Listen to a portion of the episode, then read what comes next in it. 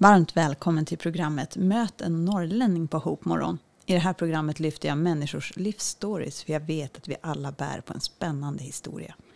Min inspirationskälla är min alldeles egna mor som genom mitt liv berättat om de människor hon har mött och alla de människor som kom och gick hem hos oss.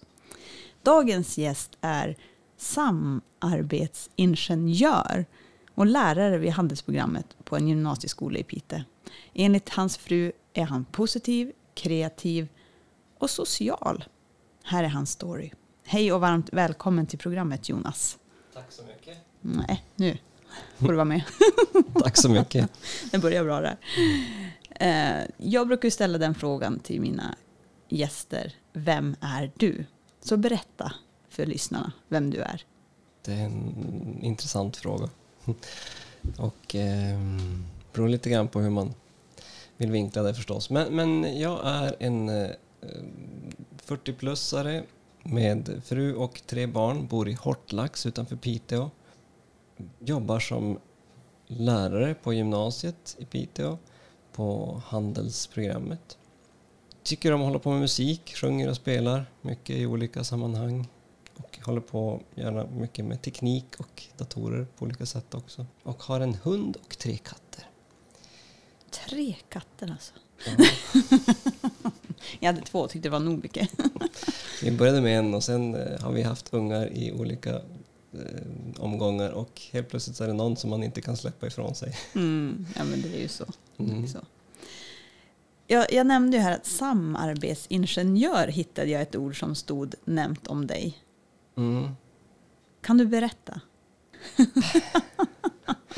Det, det är ett väldigt roligt eh, ord. Jag vet inte riktigt, jag kommer inte riktigt ihåg vem som har skrivit det. Men, Det var någonting med ett stipendium ah, som du har fått. Just det, Med någon teknik i skolan tror jag, att man ska Ja. använda tekniken. precis. Nej, men, och, och det är kanske det är då att jag, jag gillar ju att samarbeta med folk. Jag gillar att, liksom att eh, hitta på grejer och gärna tillsammans med andra och sådär. Och då för sex år sedan så eh, fick jag en idé om att man borde kunna använda molnet ganska mycket bättre än vad vi gör. Och eh, då hade vi en Facebookgrupp med några handelslärare. Så jag skrev till dem att tänk om vi skulle kunna dela lite lektionsmaterial mellan varandra på, i molnet. Och eh, det tyckte de var en kul idé så jag skapade en mapp för det då.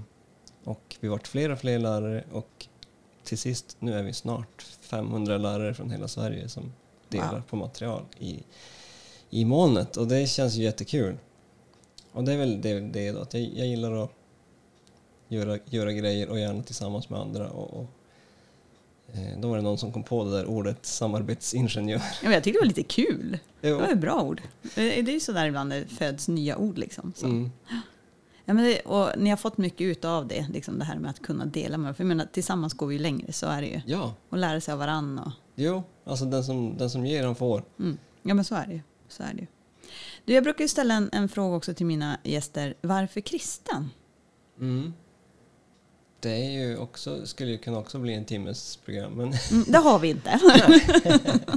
nej, nej, men eh, jag ska försöka vara kort och då är det så att jag är uppvuxen i kristet hem.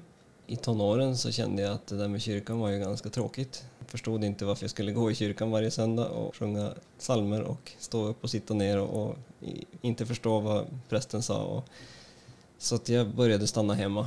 För att göra en lång historia kort så eh, är min, min far och mor är lite olika, inom lite olika genrer. Där pappa är inom Svenska kyrkan och har jobbat som diakon där väldigt länge. Och mamma är mer frikyrklig av sig. Hon ville att jag skulle hänga med på, på, på ett möte på frikyrkan och jag tyckte att det där lät scary. Ehm, Men hakade på till sist. Och där på det mötet så var det då en man som kom fram till mig. Han visste inte att hon hade, mamma hade en äldre son men, men han hade pratat med henne och, och sagt att du, du ska gå och hämta din äldsta son. Och, och ja, jag var inte i kyrkolokalen då Och hon bara va? ja, och så gick hon och hämtade mig och sa du, det är en man som vill, hem, som vill prata med dig. Jag bara, Jaha, nej. Där inne i kyrkolokalen? Nej, nej, nej. För jag tyckte det var lite extremt. De sjöng och, och lyfte händerna och det kändes lite läskigt att gå in där. Jag gick in i alla fall och den här mannen började berätta för mig hur mitt liv såg ut. 100, alltså saker som jag inte hade sagt till någon. Att Gud hade en plan med mitt liv. Och, och jag började som inse att jaha, vänta nu, det här verkar ju... Det kanske är på riktigt. Liksom. Så frågade han om man fick be för mig och då sa jag nej. Fortfarande väldigt skeptisk. Även om det var liksom, ja, jag varit lite nyfiken. Men då sa han, men om vi sätter oss längst ner på en bänk där och så kan vi liksom, en enkel bön bara. Ja, okej. Okay. Så jag gick längst bak och vi liksom, han, han la sin hand på, på min axel och så började han be enkel kort bön. Men vad som hände var, det var som att jag hade stoppat in mina fingrar i ett 220 volts uttag. En enorm kraft som jag inte hade känt förut. Och kärlek och frid. Alltså det var så här, så otroligt mäktigt. Och jag insåg att okej, okay, den här guden som mamma och pappa tror på finns på riktigt och han vill ha med mig, mig att göra. Jag hade som inte tänkt på det förut. Innan det så tänkte jag men att vara kristen det är att tro att Jesus har funnits och att han har dött för mina synder och att Gud finns och skapar världen. Det är liksom att vara kristen. Men sen att Gud vill ha med varje människa att göra och liksom kan faktiskt visa sig för oss på olika sätt. Kanske inte för våra ögon, men ja, det kan han också. Men, men, men liksom att på något sätt eh, visa sin existens sådär. Vart som en ny grej som jag insåg att okej, okay, det här verkar ju häftigt och det verkar vara något att tro på. Mm. Sen har jag bara fortsatt leva i det och, och fått se olika saker. Mm. Att Gud har gjort grejer. Och jag tänker, för det är många som har sagt det nu, som har gästat mig i programmet, som säger just det här att Gud är på riktigt. Mm. Nästan alla säger det. Eller har, jag tror så gott som alla har sagt det. Att, ja, men jag, jag bara upplevde liksom att Gud är på riktigt. Mm man blir liksom överbevisad. Alltså, det är egentligen kanske ingen som slår en bibel i huvudet på en eller något sånt. Utan det, det går knappt att förklara. Men det går att liksom... Man upplever att ja, det är på riktigt. Mm. Mm. Precis. Coolt. Har du varit med om något mirakel någon gång? Förutom det här var ju som ett mirakel i sig. Liksom så. Mm. Jo, men flera. Må många olika mirakel där som är svårt att bortförklara exempel, men om jag ska ta något konkret exempel så Ja, men det var några år efter det här hade hänt så lärde jag känna lite nya kompisar och en, en av de kompisarna hade en ryggsjukdom som var så kronisk. Hon åt medicin med triangel på, liksom riktigt så starka mediciner.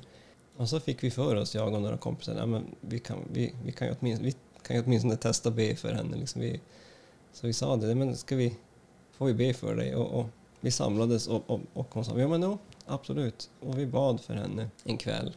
Och så upplevde hon att det liksom kändes bättre i ryggen. Så åker hon och kollar upp det här hos läkare och läkaren säger Vad har du gjort? Det här var väldigt konstigt men du har verkligen inte kvar någonting av det här i, i din rygg. Och då sa hon ja men det är några kompisar som har bett för mig. Och han bara, jaha, just det, det är den där Jesus igen. Han hade hört om, den, om Jesus förut? Ja, tydligen. Vad häftigt. Ja, så det var en sån där, en av jätte, jättemånga olika, jag har många, många sådana mm. grejer. Som Vilken stor grej. Ändå. Ja, det kändes ändå. Och just att läkaren då har, som visste hur det har varit innan ja. kan liksom bekräfta att här har det hänt någonting. Mm. Mm. Ja, det var häftigt. Gud är stor, det är bara så. Jag tänkte, du, du nämnde ju här att 40 eh, plus, jag brukar kalla det för 39-ish-klubben. ja, jag börjar kalla det. jag vet inte om det, om det känns bättre så. Men vi är som mm. mitt i livet, lite sådär. Mm. Vad tycker du är bäst med vår ålder? Det jag tycker är bäst, alltså det, jag tyckte det var sån skillnad. Jag förstår inte riktigt hur det gick till, men jag tycker det var ganska stor skillnad när jag fyllde 40. Mm. Den var en väldigt positiv skillnad och det är att jag känner mig så mycket tryggare i mig själv jag var inte speciellt otrygg innan, men nu känner jag mycket, mycket mer att jag är väldigt obrydd av vad andra tycker. Och inte så att jag, jag, jag struntar inte vad andra tycker, så, men, men jag känner verkligen att säker i mig själv och säker liksom i, men, dels i min övertygelse men liksom i, i, i livet allmänt. Att jag är inte så beroende av vad folk tycker hit och dit. Eller liksom, nej, känner mig mer, mer grund, grundad i vem jag är och, och eh, vad jag tror på och eh, det tycker jag är det bästa egentligen. Men jag, jag måste faktiskt hålla med dig där, för det, det, det var känns som att det hände verkligen någonting. Alltså nu bara pang, jag klev in i 40. Oj, nej men, ja ja. Så rycker man på axlarna och går vidare. Mm. Alltså lite så att, ja, precis, jag känner igen exakt det, här att man känner sig tryggare, man är mer stabil i tanken. Och sen samtidigt som jag tänker, när man tänker tillbaka och ser, ja men jag kommer ihåg mammas 40-årskalas liksom. Så. Även om jag inte var jättegammal då, men ändå så. Och 50 och tänkte, man, de var ju lastgamla. Och jag känner mig inte mer än 25, jag vet inte hur det är med dig. Ja, men så är det ju. Om, om man tänk, tänker tillbaka så så blir det ju konstigt. Mm, eller hur? Eller Ja. hur? Ja, men det är sådär. Jag vet ju att du har jobbat med radio tidigare. Mm. Kan inte du berätta om det? Ja, men det var så att ehm, jag läste media när jag gick musik. Jag gick musikskolan i Piteå och läste media då. När jag läste media så var det som att jag fick en, en tanke om att det finns så pass mycket. Jag, jag hörde av kompisar att det fanns ganska mycket kristen musik som var riktigt, riktigt bra. Som, en, in, som inte spelades någonstans. Alltså som, som låter precis som på Rix FM och, och liksom alla, alla kommersiella radiostationer. Men det fanns som ingen som spelade den musiken. Så då började jag tänka och, och fundera om det skulle vara möjligt att faktiskt få igång någon, någon kanal eller liksom något, på något sätt för att den här musiken skulle få höras. Så jag funderade länge och under den tiden hade vi en radiostation som hette Radio Alice i Piteå. Och de var Europas näst största webbradiostation. De hade 20 000 lyssnare per dag och de sände från Musikhögskolan i Piteå. Och helt plötsligt så en dag när jag stod på en restaurang så stod chefen för Radio Alice framför mig i, i restaurangkön och då tänkte jag nu eller aldrig. Så jag knackade på hans axel och sa, presenterade mig och sa du jag har en idé, jag skulle vilja spela eh, kristen musik en timme i veckan hos er. Vad tror du? Han bara, du, om du spelar in ett pilotprogram då ska jag lyssna på det och sen får vi se. Mm. Jag bara, "Ha." Hittade en ljudtekniker som ville hjälpa mig att spela in ett program på, på skolan då. Och spelade in och eh, spelade upp det för, ja men gav skivan, det var ju skivor på den tiden. Gav en skiva åt den här chefen och han lyssnade och han eh, sa Wow, det här är ju jättebra. Det är klart att du får en timme i veckan. Så då eh, kallade jag mitt program för Flow. Ja men Flow lät bra. och jag började spela kristen musik en timme i veckan på Radio Alice under namnet Flow. Eh, körde på. Jag hade någon sorts lång, långsiktigt mål att det här ska bli en radiostation. Vi ska bli Sveriges största kristna webbradio någon gång. Mm. Inom fem år hade jag som en tanke ändå. Vilket år var det här? Det här var 2002, Mm. så typ 20 år sedan. Och då ringde jag en kille som höll på med en, en, eh, men som en, en kristen andaktssajt. Och, och, och då, när han svarade så sa han ah, det här var konstigt för jag kände inte han. Igår så bad vi att någon radiokille skulle, eller någon radiomänniska skulle höra av sig till oss och nu ringer du. Mm. Det, det är jag. och, och eh, ja, men, jättekul, vi vill som starta en musikportal där vi liksom kan ha artistintervjuer och liksom, liksom ha lite musikprogram och så. Så jag började samarbeta med dem och vi la ut mina entimmesprogram la vi ut på den, på den här sidan. Och sen tog det bara ett tag till, en, någon månad till så ringde han och sa du, vet du vad som har hänt nu? Nej, sa jag. Jag har blivit chef på Crossnet. Jaha. Och så sa han, ska vi inte göra något roligt tillsammans? Ja, och så började vi tänka och prata om att vi kanske skulle kunna starta någon webbradio. Och jag, fick, jag började plugga radio då på Musikhögskolan. Från, från allmän media så började jag plugga radio. Och fick praktik på en kristen hårdrockstation i USA. Och där lärde jag mig allt om webbradio. Och kom tillbaka och eh, hade då alla verktyg jag behövde för att starta upp. Så då startade vi upp hösten 2003. Så körde vi igång en kristen webbradio som sände kristen musik dygnet runt. Och samtidigt så körde vi igång då en ungdomsportal. Det här var ju innan Facebook.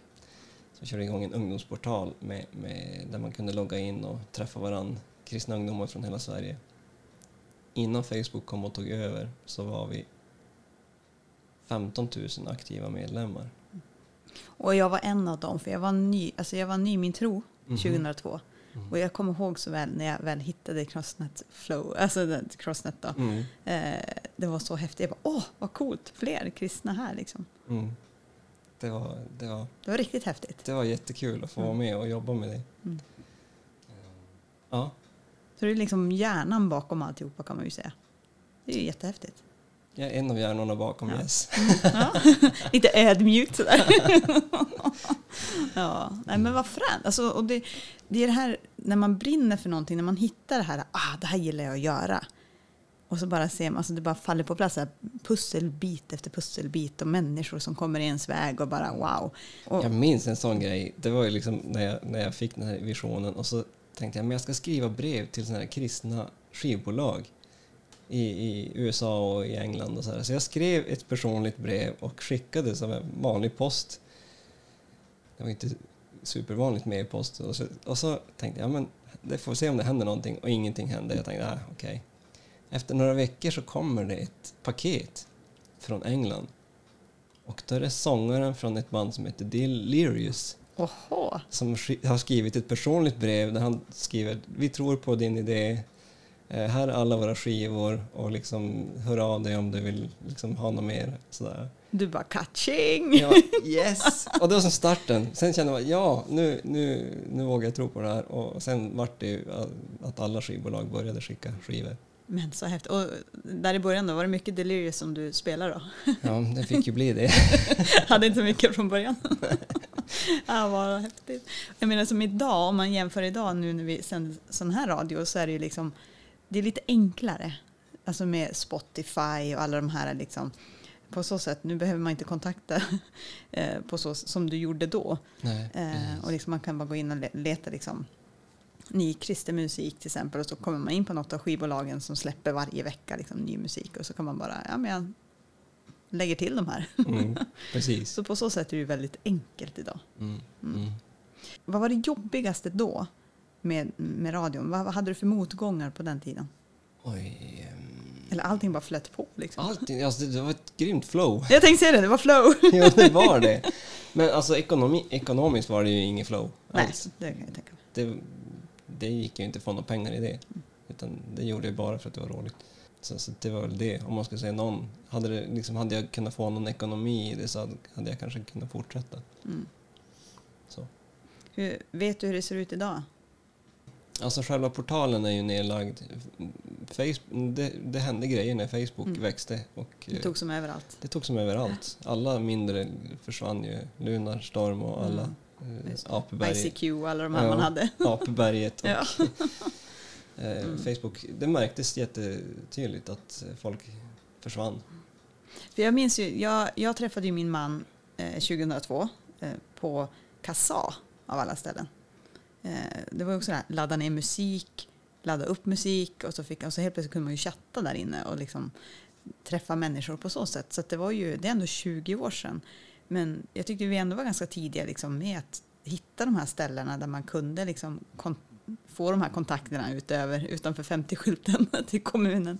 Eh, lite så. Mm. Eh, Så, så det, det är häftigt ändå att ha varit med på den tiden när, det, när allt det här har tagit form på något Mm. sätt. Mm. Mm. Precis. Idag då? Vad brinner du för idag? Oj, nu, nu brinner jag egentligen mest för mitt jobb. Ungdomarna på skolan? Ungdomarna på skolan. Att liksom få hjälpa dem hit- hitta rätt i livet och hitta, liksom, hitta det de gillar och, liksom, och försöka vara någon förebild. att Liksom, ja, men gör det ni tycker om. Och liksom, eh, det brinner jag mycket för. Sen är min familj också förstås och den, de är ju, går ju först. Mm. Förutom det så är det nog jobbet och, eh, och musiken. Mm. Och du spelar en del själv och sådär också. Mm. Och det är väl där det här kreativa som din fru nämnde att du är, antar jag, tar Mm. sig fram. Mm. Teknik och musik och Mm. lite sånt. Mm. Gött. Är det något projekt du har på gång sådär som du har? Som du jobbar med om man säger så? Ja, många samtidigt. Men Många bollar i luften. Många bollar. Men just nu om vi, ska, om vi ska prata jobb till exempel så har jag ett kul projekt där jag har ehm, köpt in en AI-robot Mm. Den har jag sett på Facebook. Den har du sett på Facebook, Mm. ja. Mm. Eh, Det, det, liksom, eh, det har varit ett långsiktigt mål att liksom få jobba med, med, med AI och robot. För att, ja, men jag gillar tekniken Mm och vill se vad, vad man kan göra med det. Så därför sökte jag då ett stipendium som jag fick. Och när jag fick det så använde jag de pengarna för att köpa in en sån här avancerad robot som då pratar svenska bland annat. Och det känns lite kul och spännande att få liksom experimentera med det och vi kommer att ta ganska mycket kontakt med butiker och se, ja, prova, i, prova mot kunder på riktigt och se liksom, vad, vad kan vi göra. Och, mm. Snart behöver vi liksom inga anställda, då kan vi bara ha AI-robotar. Nej men jag, vi kommer behöva, för vi kommer Ja. alltid behöva liksom sam, alltså, människor kommer alltid behöva finnas vid sidan om och liksom ehm, samarbete tror jag är liksom fortfarande liksom mobiltelefonerna som vi har kan göra väldigt mycket men, men liksom det är fortfarande bara ett verktyg för oss. Jag tror också det under väldigt många år framåt kommer vara likadant med, med AI och an, annan teknik att det är fortfarande bara ett verktyg som vi använder. Det är väldigt långt bort att, att det skulle vara så att det blir tvärtom, att robotarna på något vis skulle Mm. spela ut oss. På gymnasiet, nu är det här, jag är det är stenåldern nu vi snackar om, men alltså 1900, när gick vi? 97 tror jag, när vi gick i gymnasiet där Mm, kring. mm, Så skrev jag i psykologin en, en uppsats om stressen bakom digitaliseringen. mhm, Just det här med att, och då tog jag ett exempel, till exempel att eh, de som byggde, alla rallare som la järnväg förut, nu använder man sig liksom av maskiner. Och så att ma- maskinen har tagit över människan eh, på så sätt i många hänseenden, på fabriker och så vidare, robotar och mycket sånt.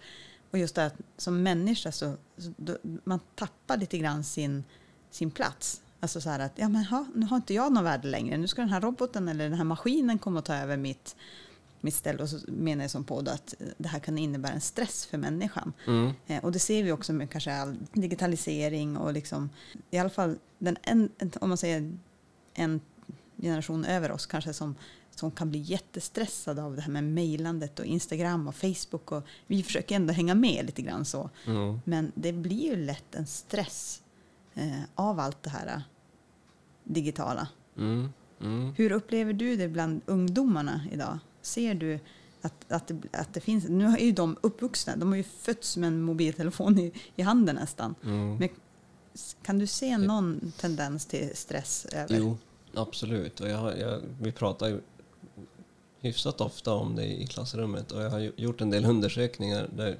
ja, men en, en sak är att alla, jag skulle säga nästan alla, tycker att de har för mycket skärmtid. Och det skapar ju, dels så skapar det ju en stress att de, de inser att nej, men jag det är för mycket skärm. Men de men kan inte göra så mycket åt det egentligen. Utan man, man lever i ett sånt samhälle där, där mycket kommunikation sker via skärm. Så det är väl en sak. Så, men absolut märks det ju. Och, och, och sen är det ju det här med det klassiska med olika ideal, att delningskultur, att man, man, man ska dela så mycket och, och, och det blir en stress i sig också. Mm. Allt ska vara så perfekt och putsat på ytan. Jo, Lite precis. Mm. Jo. Även om de innerst inne ser igenom det så, så blir det ändå som att nej, men det blir ju ändå en, en, en grej. Mm. För jag tänkte det, jag var in på frisörprogrammet på gymnasieskolan eh, och hade lite utbildning i, ja, både i försäljning men också lite annat då. Så tog jag upp en tjej och sa, nu, nu får du göra ett rollspel här med mig. Och hon hade jättesvårt att se mig i ögonen. Och jag märkte många av de ungdomar som var där i alla fall hade jättesvårt med det här att, att ha ögonkontakt. Och så, om du ska jobba i ett serviceyrke så är det jätteviktigt att kunna ta ögonkontakt. Mm. Eh, alltså jag förstår att ni är fast i era liksom, klösbrädor som jag kallar dem. Men ni måste lära er att lyfta blicken och se in i människors ögon på Mm. så sätt. Där tror jag man har lite grann att jobba med. Mm. Och det, det är bara att gå till oss själva också. Jag har också mycket skärmtid, alldeles för mycket. Mm. Eh, och då kan jag inte, jag menar, barn gör ju som, som vi gör och inte som vi säger många gånger. Så att det blir ju att de också sitter och det är klart, och det bara förs vidare. Mm. Men jag tror att man tappar mycket av det här sociala samspelet när det gäller liksom, ögonkontakt, service på så sätt. Absolut, så Mm. är det ju. Ja. Men, eh, det får vi, eftersom vi är på handel så får vi också träna mycket på de bitarna. Mm.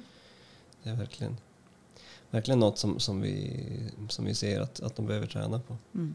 Jag är en sån som gillar att nörda. Är det någonting som du har nördat ner dig i i livet, förutom då musik och teknik och lite sånt? Är det någon sån specifik grej? Nej men det är ju teknik. Mm. Det är alltså da datorer och, och, och får jag minsta lilla sekund över så, så sitter jag gärna med, med datorer och teknik i olika former. Mm. Det är nog det jag är mest nördig på.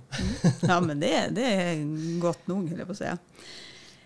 Det börjar bli dags att börja avrunda här. Är det någonting du skulle vilja skicka med till lyssnarna? Jo, men jag tänker nog att det är viktigt att göra det man vill och, och, och det man är intresserad av. Eh, då brukar resten lösa sig. Och är det så att man är minsta lilla intresserad av, av Gud och kristen tro så sitt inte fast utan ta faktiskt och kolla upp vad det handlar om.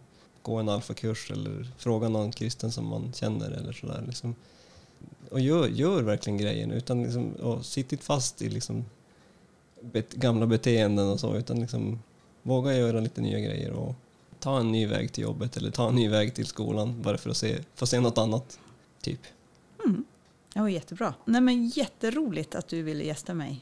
En riktigt intressant. Jag gillar ju teknik själv och musik och sånt. Så det, det, det är roligt att man får sitta och nörda sig lite grann Jättekul att vara här. i det. Så får vi se vad det leder. Du kanske kommer att gästa mig fler gånger eller börja köra radio här framöver igen. Ta upp det gamla liksom, efter Vet 20 man år. Ja. Ja, det var något. Mm. Så är det. Nej, men tack för att du tog dig tid att dela din story och lycka till med allt det du företar dig. Du och din familj ska jag säga. Tack så mycket. Du har lyssnat till mig, Kristina Lund, i programmet Möt en norrlänning där jag träffade Jonas Karlsson. Och det blev Möt två norrlänningar. Vi pratade tro och hur man får titeln samarbetsingenjör.